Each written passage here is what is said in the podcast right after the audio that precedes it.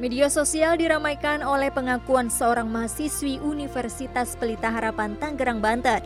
Mahasiswi angkatan 2022 berinisial AS itu mengaku mendapat kekerasan dari pacarnya yang merupakan seniornya di kampus.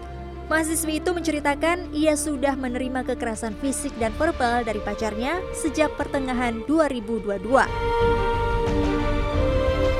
Saat ini pihak OPH telah mengeluarkan mahasiswa yang diduga melakukan kekerasan tersebut. AS telah melaporkan kekasihnya itu ke Polres Tangerang Selatan dengan tuduhan penganiayaan. Dia juga melaporkan kejadian yang dialaminya ke Komnas Perempuan. Menurut Komnas Perempuan, pengaduan seputar kekerasan dalam hubungan yang mereka terima sekitar 3.000 per tahun. Namun tidak semua kasus berjalan hingga ke meja hijau. Nah, yang harus kita bangun adalah ketika kita mendapati korban, maka kita harus e, dalam berbagai kapasitas yang membantu korban. Membantu korban itu tadi mendengar, memfasilitasi, tidak menyalahkan dan mensupport, kemudian e, membantunya untuk pulih. Kejadian yang menimpa mahasiswa UPH itu sontak membuat kata kunci toxic relationship kembali ramai dibicarakan warganet. Menurut psikolog Edward Sutardio, ada perbedaan antara toxic relationship dan abusive relationship. Menurutnya, toxic relationship bisa terjadi di mana saja dan antara siapa saja. Baik itu antar teman, rekan kerja, maupun keluarga, tidak hanya antar pasangan kekasih. Karena abusive relationship jelas ada korban, ada pelaku. Di mana toxic relationship itu lebih banyak digambarkan di dalamnya mungkin ada abusive gitu, tapi itu nggak clear cut bahwa satu pelaku satu korban. Jadi kalau di uh, hubungan yang satu pukulin, yang satu maki-maki, tapi yang satu nggak melakukan apa pun dan dia nggak nggak terlihat dia merespon pun dengan hal yang uh, juga mengancam ya, itu kita lebih enak untuk nyebutnya lebih ke arah abusive relationship. Orang-orang yang berada di dalam hubungan yang toksik sering tidak sadar bahwa mereka sedang menjalani hubungan yang tidak sehat. Sebab secara psikologis, mereka merasa kehilangan kepercayaan diri untuk memulai hubungan yang baru.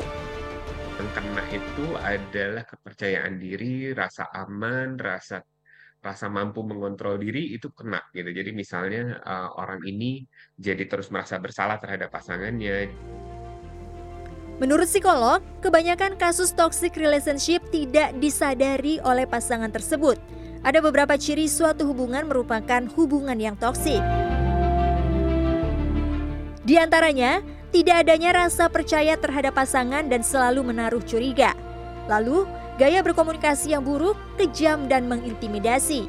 Controlling behavior yakni mendikte perilaku pasangan dan diikuti dengan ancaman. Frekuensi berbohong terhadap pasangan juga tinggi dalam toxic relationship.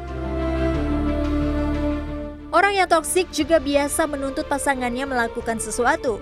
Ini bisa membuat pasangan merasa lelah menjalani hubungan itu dan yang terakhir, ada sikap mencari-cari alasan untuk membenarkan tindakan. Lantas, bagaimana caranya untuk keluar dari hubungan yang tidak sehat ini? Yang pertama, carilah dukungan dan bantuan dari orang terdekat. Lalu, ambil sikap tegas agar tidak terjebak dalam siklus kekerasan dalam hubungan. Jika memilih untuk berpisah, putuskan hubungan dengan pasangan di semua platform media sosial Cari kesibukan atau kegiatan yang bisa membantu mengembalikan kepercayaan diri dan menyembuhkan luka akibat hubungan yang tidak sehat. Jika Anda menjadi pihak luar yang menyaksikan kerabat Anda terjebak dalam toxic relationship, yang perlu Anda lakukan adalah menyadarkan kerabat Anda. Caranya, menunjukkan fakta-fakta perubahan negatif yang terjadi pada dirinya sejak menjalani hubungan Lalu, yakinkan kerabat Anda bahwa Anda dan orang-orang terdekat akan selalu mendukungnya untuk pulih dari trauma yang dialami. Suci Bancin, Kartika Bagus, Jakarta.